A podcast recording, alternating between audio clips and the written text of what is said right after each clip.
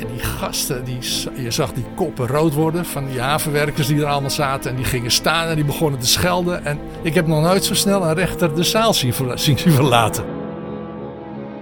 En het was dus een goede actie waar ik goede herinneringen aan heb. Maar ik heb geen goede herinneringen aan wat er uitgekomen is. De Dag van Toen podcast. Geschiedenis uit Zuid-Holland. Met Dave Datema. Welkom bij de eerste aflevering van de Dag van Toen podcast. De geschiedenispodcast over de historie van Zuid-Holland. In terugblikken, interviews en reportages duiken we in de geschiedenis van dit gebied. De eerste podcast valt samen met het begin van de maand van de geschiedenis en het thema dit jaar is werk. En dus blikken we terug op 5 oktober 1991, 30 jaar geleden. Toen stond het Malieveld vol met 250.000 mensen. Het was tot dan toe de grootste vakbondsdemonstratie in de Nederlandse geschiedenis. Op 5 oktober 1991 kwamen 250.000 mensen in actie tegen de versobering van de WHO, de Wet Arbeidsongeschiktheid. Ongekend. Maar wat waren de ingrediënten voor die demonstratie? Een terugblik met twee betrokkenen.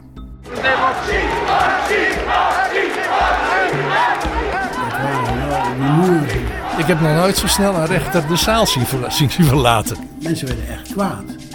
En wij waren ook kwaad. Het was een verhitte zo. Wij maken uit wanneer we staken of niet staken. En daar gaat de rechter niet over. Dat maken we zelf uit in de avond. Dat was gewoon credo. Nederland had sinds de jaren 60 de wet arbeidsongeschiktheid. Een toonbeeld van de verzorgingsstaat bij de invoering. Maar in de jaren 90 begon het een molensteen om de nek van de politiek in Den Haag te worden. Meer dan een miljoen mensen waren arbeidsongeschikt. De verhouding tussen de aantallen werkende en niet-werkende geeft ons niet langer. Geeft ons niet langer de ruimte. Het belangrijkste invalshoek is dat we de, het uh, gigantische sociale probleem wat Nederland heeft van een nog steeds groeiend aantal arbeidsongeschikten, dat we daar een uh, antwoord op vinden. In de zomer van 1991 wordt in de nacht van 13 op 14 juli besloten dat, mede om de WHO minder aantrekkelijk te maken, de uitkering omlaag gaat. Dat leidt tot acties.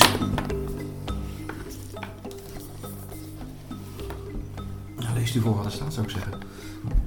En met Wim Kok schieten we ook een kale bok. Vind ik wel een leuke. Lodewijk de Waal bladert door het foto's van de actie uit 1991. Eind jaren 90 werd hij voorzitter van de vakbond FNV, maar ten tijde van de actie op het Malieveld was hij nog voorzitter van de Dienstenbond. Ook hij stond op het Malieveld in 1991 bij de actie gericht tegen de versobering van de WHO en de invoering van passende arbeid. Dat werd, ik weet niet meer precies hoe de term was, maar er werd een nieuwe term voor gevonden. Gangbare arbeid werd dat. En dat betekende, wij zeiden daar spottend van, dat als je lumpia-vellenvouwer kon worden, dan was jou weer arbeidsgeschikt. Je zou meer aan preventie moeten doen, was het standpunt van arbeidsongeschikten, was het standpunt van de vakbond. En wij wilden geen ingrepen in de hoogte van de uitkering en geen ingrepen in het arbeidsongeschiktheidsbegrip. Voordat ik voorzitter was, ben ik, heb ik natuurlijk, ben ik CAO-onderhandelaar geweest en heb ik bedrijfsreorganisaties begeleid. En dan stond je bij een grote reorganisatie als vakbondsbestuurder voor het dilemma Gaan de mensen de werkloosheidswet in of gaan ze de WO in? Dat was een lagere uitkering, de werkloosheidswet, die overigens ook eerder eindigde. Dus dan kwam je wel in gesprek met de werkgever. En dan zei je wel, ja, die mensen zijn hier toch allemaal wel een dagje ouder. En het is toch wel zwaar werk. En dan kwam je tot de conclusie. Dat de WO de beste oplossing Dat de WO de beste oplossing. Dat heb ik ook wel gedaan. En achteraf heb ik wel eens gezien dat mijn eigen vader, die werkte bij een bank, er op die manier uitgezet is. Die zei, ik ben met vervroegd pensioen gegaan. Toen hij overleden was, ging ik door zijn papieren en toen bleek hij de WO georganiseerd te zijn door zijn werkgever. Dus dat gebeurde wel. Maar dat betekent niet dat je de uitkering moet verlagen of dat je het begrip moet. Dan moet je dus dat soort dingen tegengaan. En misschien de WW aantrekkelijker maken. Maar dus ik, ik geef toe dat wij daar ook wel aan meegewerkt hebben. Overigens niet alleen, dat, altijd wel in samenwerking met de werkgevers. Maar het was wel veel aantrekkelijker om mensen in de WO te krijgen dan in de WW. Een van de belangrijkste hoofdrolspelers in het conflict is Wim Kok. De oud-vakbondsvoorzitter was in 91 minister van Financiën namens de Partij van de Arbeid. De twee waren sterk met elkaar verbonden en dus zorgde dat voor spanningen. Ik moet u zeggen dat, dat ik verbijsterd ben. Wie heeft er nog vertrouwen in dit beleid? Ik niet. En het moet drastisch veranderen. Wil ik bij de volgende verkiezingen nog op deze mensen mijn stem uitbrengen. De, ik geloof dat wel de, heel veel van mijn collega's we hebben toen ook de pijp en Maarten gegeven en niet meer zijn uit de Partij van de Arbeid gestapt. En binnen de FNV is toen een, streng, een strenge lijn tegen die regeringsplannen vastgesteld en zijn we gaan demonstreren. Wij willen die pijnlijke ingrepen in ziektewet en WHO niet. Terwijl de vakbonden beginnen met het voorbereiden van een grote actie, neemt ook binnen de PvdA de weerstand tegen de plannen rondom de WHO toe. Ja zeggen tegen deze plannen op dit moment luidt volgens mij het einde van de Partij van de Arbeid in. Maar uiteindelijk komt er een compromis. Om voor mensen die beneden de 50 jaar zijn, eh, de uitkeringsduur eh, wat te gaan beperken. Dus wat meer in de richting te brengen van de huidige regeling die ook voor de werklozen geldt. Al is het zo dat ook na die uitkeringsduur voor de WHO je altijd nog je AAW-rechten houdt. Ja, het is een maatregel die vind ik wel verdedigbaar is. Doet natuurlijk ook pijn. En ik hoop dat we met steun aan Kok een begin kunnen maken met de vernieuwing van de Partij van de Arbeid. Partijgenoten, dan uh, zal ik de uitslag van de stemming bekendmaken. Voor 80,5 procent.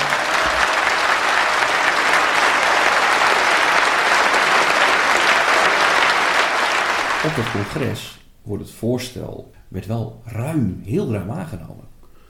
80 procent. Ja. Ja, wij staan achter de leider. En het was ook wel een hele grote crisis in de Partij van de Arbeid geweest. Het was ook een crisis, ik heb daar na de hand nog wel eens met over gesproken met Wim Kok. En dat was een, een trauma voor hem. En hij heeft ook meerdere malen op het punt gestaan om de pijp aan Maarten te geven en ermee op te houden. En dan werd hij weer door andere partijgenoten beïnvloed en die zeiden, dat kan je niet doen. En uiteindelijk was zijn redenering, het zijn verslechteringen, maar ik kan bij die verslechteringen beter aan het stuur staan dan aan de zijlijn. Zo heeft hij dat op het congres ook gezegd. Tientallen kilometers verderop in de haven Rotterdam is het ook onrustig. Maar dat is al maanden zo. Vrijwel de hele zomer werd gestaakt. Maar dat had niets met de WHO te maken, vertelt Jan Heilig, toen vakbondsman in de haven Rotterdam namens FNV Vervoer. We gingen eerst een week staken om, om een non-bulk CO binnen te halen. Dat was gewoon dat er één CO zou komen voor de containerbedrijven en de stukgoedbedrijven. Nou, dat, dat mislukte. Dat, uh, dat, dat hield op na een week.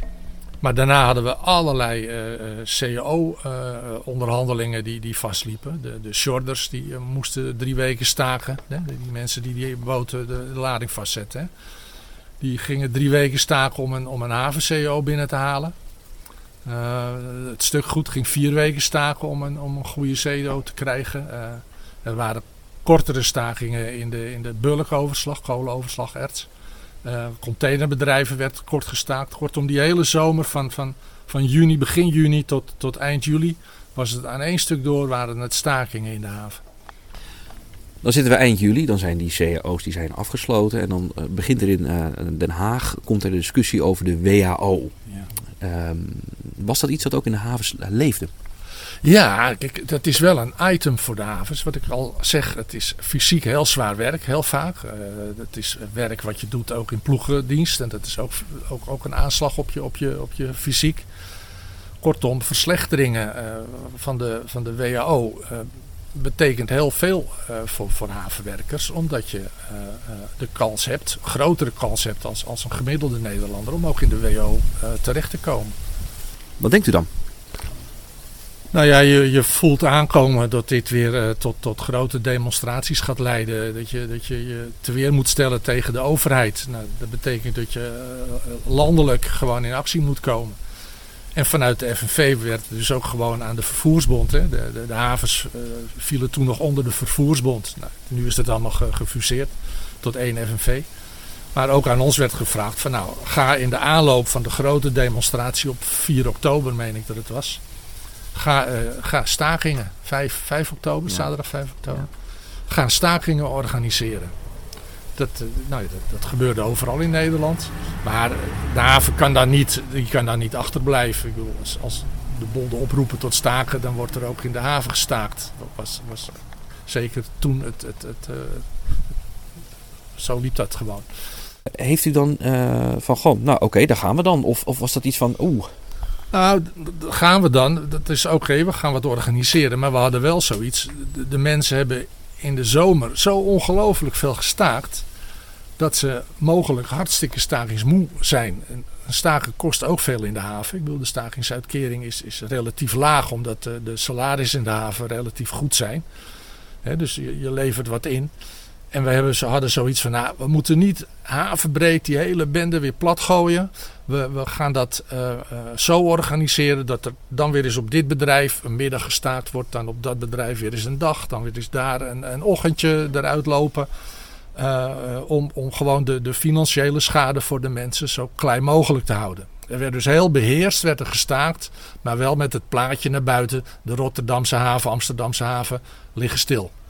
De werkgevers waren niet blij met het besluit om weer actie te gaan voeren. De koppelorganisatie spant dan ook een kort geding aan om de acties van tafel te krijgen. En dat vond ik ontzettend onverstandig. Ik kan me nog goed heugen dat ik aan het begin van dat, van dat kort geding, uh, die voorman van de werkgeversvereniging SVZ, dat ik tegen hem zei: waarom doen jullie dit in godsnaam? We houden het heel beperkt, we houden het heel ge, georganiseerd. Uh, niet alleen maar de hele boel plat, maar hier en daar uh, plat.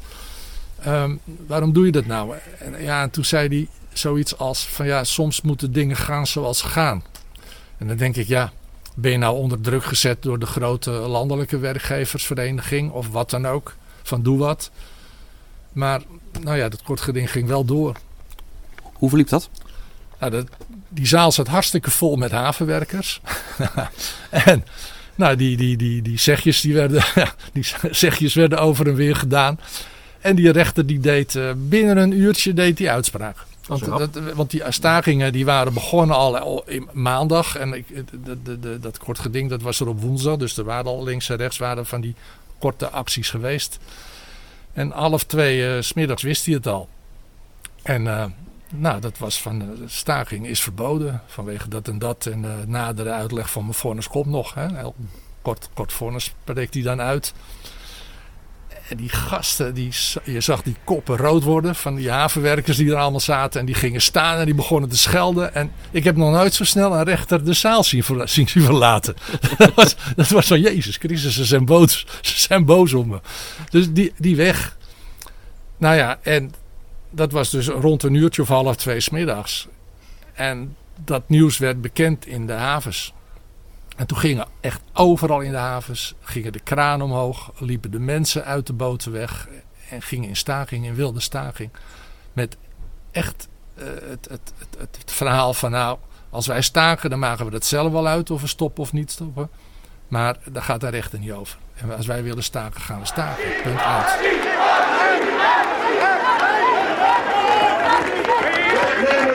En dan hebben we als vakbeweging een prima medicijn. Kamerleden, wees geen marionetten van het kabinet. Help zieken niet verder de vernieling in. Trek WO'ers niet het vel over de neus. Toon eindelijk je sociale gezicht. Ja, het was groot. Het was echt weer eens een, een hele grote vakbondsactie. Ik heb daar gewoon mee gedemonstreerd als een van de 100.000 of 250.000 mensen. En ik heb ze niet geteld. Ja, hoe was de sfeer? Ja, die, was, ja, die is goed. We hadden niet eerder 250.000 mensen bij elkaar gekregen. Je hebt wel demonstraties waar het een hele bittere sfeer is. Waar je uiteindelijk slaag raakt met de politie. maar dit waren, dat geldt voor zowel voor 2004 als voor 1991, waren demonstraties waar ook een vrolijke solidaire sfeer hing. Samenhorigheid? Ja, je had echt iets van we zijn hier samen voor een goede zaak bezig. Als je daar uh, met, met, met 100.000 of 250.000 mensen op het Malieveld staat en je wordt toegesproken door de grote vakbondsmannen, dan, uh, dan is er enorme samenhorigheid en hangt er een heel goede sfeer. En het, het, het weer was ook heel redelijk toen. Dat, dan, ja, dat, dat geeft wel een, een, een lotsverbondenheid. Dat, dat soort demonstraties van zulke omvang, dat is, eh, dat is heel apart. Ja, als je achteraf kijkt, heeft die demonstratie niet het gewenste resultaat gehad. Dus dan kan je achteraf zeggen, het was gedaan. Maar er was een grote behoefte om massaal te laten zien dat je het er niet mee eens was. Bij de eerstkomende Tweede Kamerverkiezingen in 1994 verloor de Partij van de Arbeid 12 zetels. CDA verloor er zelfs 20.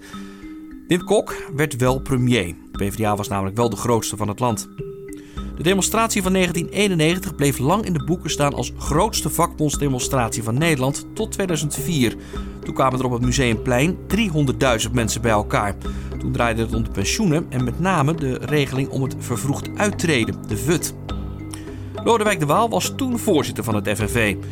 Hij bewees opnieuw dat het op de been krijgen van zo'n grote groep mensen mogelijk was. Maar, dan zegt hij, moeten wel alle ingrediënten aanwezig zijn. Je hebt ervoor nodig een kabinet wat impopulair is, waar mensen graag tegen demonstreren. Twee, je moet wel een goed onderwerp hebben. En wij hadden dat toen met de WHO, maar meer nog met de vervroegde uittreding. Dat was iets wat heel veel mensen toen bezig hield. Het afschaffen van de VUT. Die twee dingen, dat was echt explosief materiaal. Dan kan je dat weer doen. Nou hebben we op het ogenblik wel een impopulair kabinet, maar dat is demissionair. Dus dat is ook niet goed actie voeren. En we hebben niet echt zo'n bindend onderwerp als we toen hadden. Maar als je je vergist, en dat hadden we het jaar daarvoor gedaan, toen zijn we aan het eind van 2003, zijn we ook actie gaan voeren en dat lukte helemaal niet. Toen was de stemming in het land er niet. En toen, dat was echt te vroeg.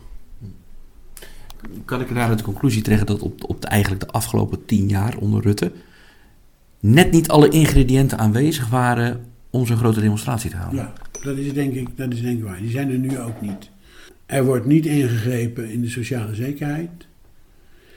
Flexibilisering is natuurlijk een geweldig probleem voor de vakbeweging, maar betreft niet alle mensen. En die vervroegde uittreding en die WHO, dat bedreigde iedereen. En een alles over stijgend onderwerp zie ik niet op het ogenblik. Heeft het ook iets met uh, actiebereidheid onder mensen te maken? Even vanaf de, vanaf de andere nou, kant gezien, dat mensen minder snel bereid zijn om actie te voeren? Ja, er is natuurlijk nu minder een neiging je te organiseren. Mm.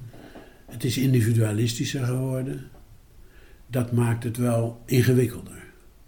Maar toch geloof ik dat als je het goede onderwerp hebt, dat je dat nog zou kunnen. Maar de enige die dat zou kunnen, denk ik, is de vakbeweging. Maar dan heb je toch een kabinet nodig wat niet geld loopt uit te delen, zoals nu 80 miljard. Dan wordt het, wordt het lastig actie voeren. Ja, ja, ja. Ze gooien er gewoon een schep geld op en het probleem is weg. Ja, maar misschien over een paar jaar, als de rekening gepresenteerd wordt. Ja, ja, zo vaak als ik niet meegemaakt heb dat het poldermodel voor dood verklaard werd en weer opstond. En er zijn ook mensen die hebben voorspeld dat de vakbeweging niet meer. We hadden ooit het project FNV 2000, omdat eraan getwijfeld werd of het jaar 2000 wel zou halen. Hm. Nou, dat bleek toch uiteindelijk niet zo'n probleem te zijn. Dus je moet altijd uitkijken met systematisch te verklaren: dit lukt niet meer. Hm. Daar zou ik niet van overtuigd zijn. Afrondende vraag. Hoe kijkt u terug op 1991? Als een positief iets of als een eigenlijk toch wel een teleurstelling? Ja, er zitten in het hart van de vakbondbestuurder zitten altijd twee dingen. Je leeft al op bij acties. En het was dus een goede actie waar ik goede herinneringen aan heb. Maar ik heb geen goede herinneringen aan wat er uitgekomen is. Er is ernstig ingegrepen in de sociale zekerheid. En dat heeft veel schade veroorzaakt voor heel veel mensen. Dus het is uh, je geslaagde actie, maar mislukte uitkomst. Zegt Lodewijk de Waal, oud-voorzitter van het FNV. Een langer verhaal over deze actie vindt u op dagvantoe.nl.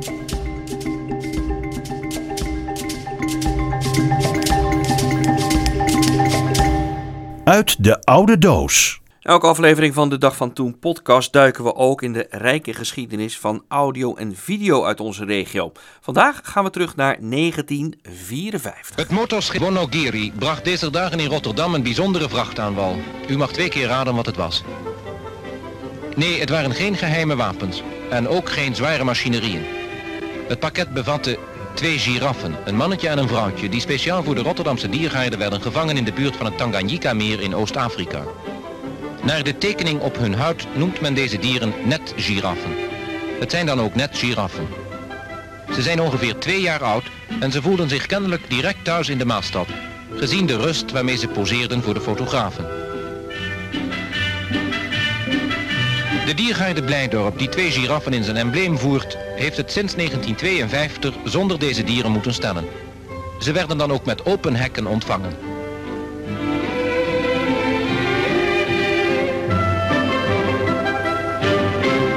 Beelden van de giraffen van Blijdorp zijn terug te zien op onze eigen website dagvantoen.nl. Geschiedenis uit jouw omgeving. Dit is de Dag van Toen podcast. Vorige maand werd bekend dat er in Dordrecht een pad wordt vernoemd naar Arpad Wijs. De voormalige voetbaltrainer woonde en werkte een paar jaar in Dordrecht tot hij in 1942 door de Duitsers werd afgevoerd naar het vernietigingskamp Auschwitz. Het pad komt er mede na een petitie die door honderden mensen is ondertekend. Maar wie was Arpad Wijs? Dat hij in het Wijzigpark een pad naar zich vernoemd krijgt en waarom juist daar? We praten erover met Hans Bervoets, journalist in Dordrecht en iemand die zich al langer hard maakt voor een herdenkingsplek voor Arpad Wijs. Meneer Bervoets, uh, ja, wie was die Hongaars-Joodse voetbaltrainer eigenlijk? Dat was eigenlijk in zijn tijd een wereldberoemde trainer. Hij begon als uh, Hongaars international in het voetbal en in Italië maakte hij grote furoren bij clubs zoals Bologna, die maakte die twee keer kampioen. En uh, Inter Milaan. Hij uh, speelde ook uh, met succes op een soort clubwereldkampioenschap in Parijs in 38. Maar toen Mussolini, de dictator in dat land, de teugels steeds meer aantrok en rassenwetten kwamen, was er geen toekomst meer voor de Jood Arpadwijs en uh, ja, zijn gezin, de kinderen Robert en Clara en ja, zijn vrouw Ilona. En moesten ze eigenlijk vluchten. En uh, via Parijs kwamen ze eigenlijk op een bijzondere manier in, uh, in Dordrecht aan. Ja, hoe dan? Zij hebben een formulier getekend gekregen dat zij moesten vragen naar Lotzi in Dordrecht. Nou, Lotzi was eigenlijk voor de oorlog de grote ja, voetbalbobo, werd hij genoemd in Nederland. Zonder Lotzi geen voetbal, want het was de grote man. En die woonden en werkten in Dordrecht, dus ze kwamen aan op het station in Dordrecht. Werden opgevangen door DFC, de oudste club van Dordrecht. Ook een van de oudste van het land sinds 1883. En uh, ja, daar kon hij weer helpen als trainer, want de club ja, was eigenlijk op dat moment in degradatienood. En uh, ja, zijn aanwezigheid zorgde er wellicht mede voor dat uh, op het hoogste niveau kon blijven spelen. Ja, was hij een sensatie in Dordrecht als trainer zijnde? er wat, was veel aandacht voor. Er waren ook fondsen om hem te kunnen betalen of men helemaal in die gaten had hoe bijzonder Arpet Wijs was. Dat het een grote succestrainer was in Italië. Men is met hem in Italië gelukkig niet vergeten in Hongarije. Ja, maar hoe groot is die in Italië? Hoe groot is die daar? Uh, hij geldt als de ena succesvolste trainer ooit. In de Italiaanse eerste divisie, in de hoogste klasse. Ja, de Serie A. Uh, ja, dat klopt. En je ziet ook dat er heel vaak herdenkingen zijn in Bologna en in Inter, Milaan. Er zijn films, zou je zijn naam intikken op internet, dan zie je dat er bijna haast iedere dag over wordt geschreven. Ook omdat hij een trainingsmethode had die in die tijd revolutionair was. Dus eigenlijk zijn naam gaat uh, voort. En ja, die man kwam naar Nederland en kwam naar DSC om daar ook zijn diensten te laten zien, zijn deskundigheid. Ja, waarom... Uniek eigenlijk. Arpad Wijs gaat dus aan de slag bij DFC. Hij weet DFC ook te behouden voor het hoogste niveau van het voetbal in Nederland. Uh, groot succes. Uh, echter, hij was, ont, uh, hij was het fascisme ontvlucht in Italië. En dan breekt in Nederland ook de Tweede Wereldoorlog uit. Hoe ging dat? Nou, op een bepaald moment werd zijn werkvergunning ingetrokken in 41. Dus hij kon geen trainer meer zijn van DFC. Uh, de Duitsers kondigden dus uh, ook in Nederland uh, rassenwetten aan. Dat hield erin dat Dordrecht moest jodenvrij worden gemaakt. Dat begon eigenlijk al in de tweede helft van 1941. Dus het werd ook eigenlijk steeds duidelijker dat Arpert Wijs en zijn gezin eens zou worden opgehaald. en dat gebeurde in augustus 1942. Toen werden ze uit hun huis gehaald door de politie uh, aan het Bethlehemplein in Dordrecht. Bethlehemplein eigenlijk een hele symbolische naam, want Bethlehem betekent eigenlijk broodhuis. En daar zou je van denken dat geeft ons toekomst. Maar ze werden weggehaald via kamp Amersfoort, kamp Westerbork. Werden eerst zijn twee kinderen en zijn vrouw werden uh, omgebracht, vergast en uiteindelijk in uh, augustus of in ja januari 1944 werd hij dus uh, vermoord in uh, concentratiekamp Auschwitz. Nou, wat weten we nog eigenlijk van zijn tijd in, de, in, in, Auschwitz? Nou, daar zijn weinig bronnen van bekend. Hij bleef daar wel per te werk gesteld, maar goed, zijn conditie ging steeds meer achteruit. Maar het is niet zo dat daar dus schriftelijke bronnen van zijn of dat mensen verhalen hebben verteld. Je zou kunnen zeggen dat het verhaal Arpert Wijs met zijn gezin stopte in augustus 42. Ze werden vernietigd. En het heeft dus inderdaad sinds augustus 42 tot 2007, 2008 geduurd voordat een Dordrecht hij terugkwam in Italië, is er vanaf dat moment steeds meer aandacht voor gekomen. Ook in Hongarije, zijn geboorteland.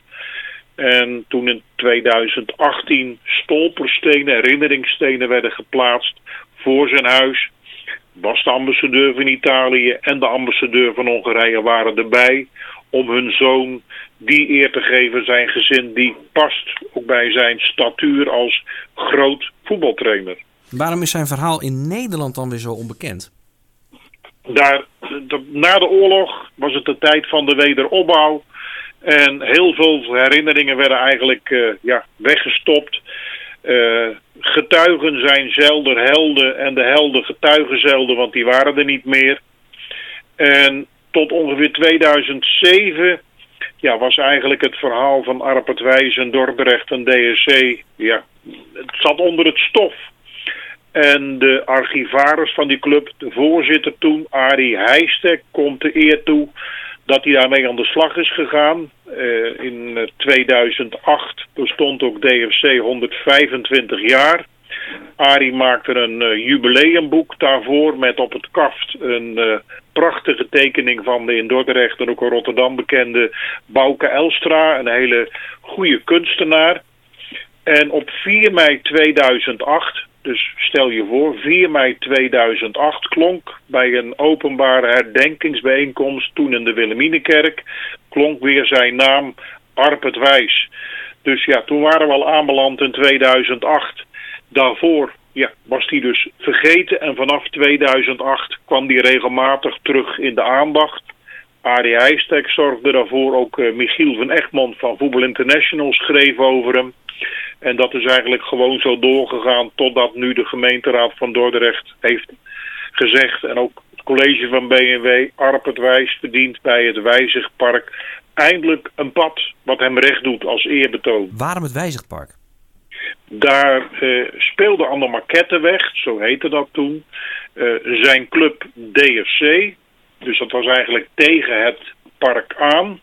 En wat is dan historischer dan bij, uh, ja, waar vroeger de tribunes zaten, waar DFC een behoorlijk grote club was. Ze leverden ook voor de oorlog internationals af. Om daar die herinnering terug te brengen van deze ja, bijzondere trainer van DFC.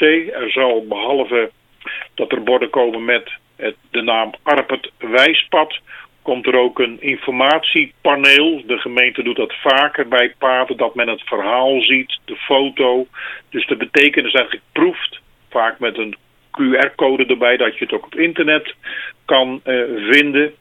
Dus op een bepaald moment zal dat pad er komen en dan eigenlijk vlakbij het station van Dordrecht, waar hij dus in de stad aankwam als trainer met zijn gezin. Een paar honderd meter vandaan zal zijn naam wederom zichtbaar worden gemaakt. Ja, dit hele verhaal is een beetje op gang gebracht door, uh, u zei het zelf al, de uh, voorzitter van DFC, Arie Heijstek. Uh, wat doet de club er zelf ook nog aan om, om de herinnering aan Arpad Wijs levend te houden? Ja, dat is buitengewoon lastig te noemen. Er is een plaquette onthuld in 2015 in de club. En in maart dit jaar vond de vereniging het eigenlijk niet zo'n goed idee om in de kantine die plaquette te handhaven. Men had er andere plannen mee. En uh, Arie uh, ontdekte kort daarna dat uh, ja, die herinnering aan Arpet die plaquette, die vond hij in een kast. Dus ja, de vereniging heeft daar dus blijkbaar niets bij. heel treurig, want Arpet hoort bij hun geschiedenis. En Arie Heijstek is bezig om voor die plaquette ja, een andere passende, plek te vinden.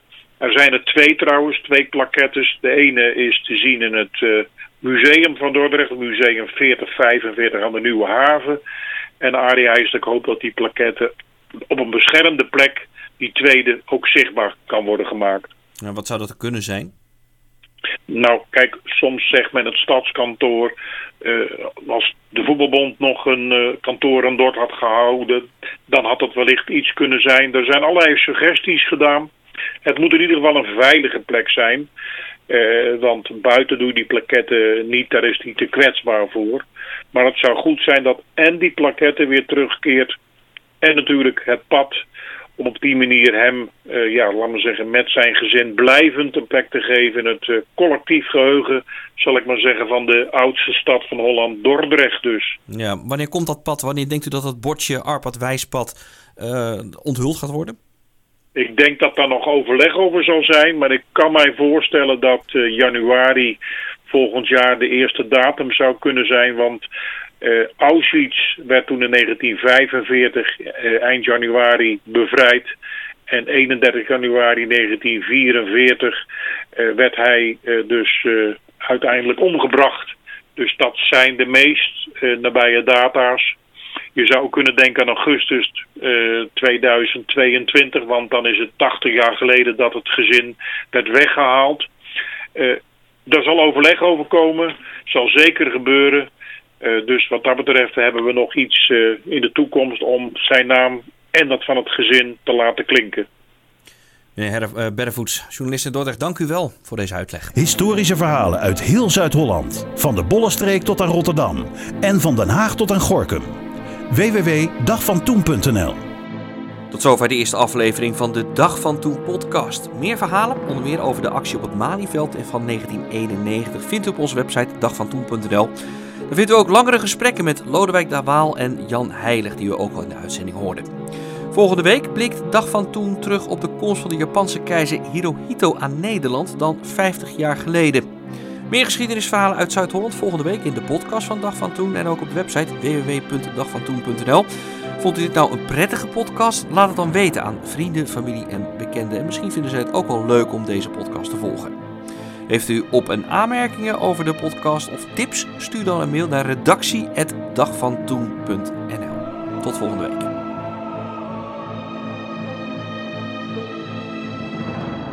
Dag van Toen podcast. Geschiedenis uit Zuid-Holland.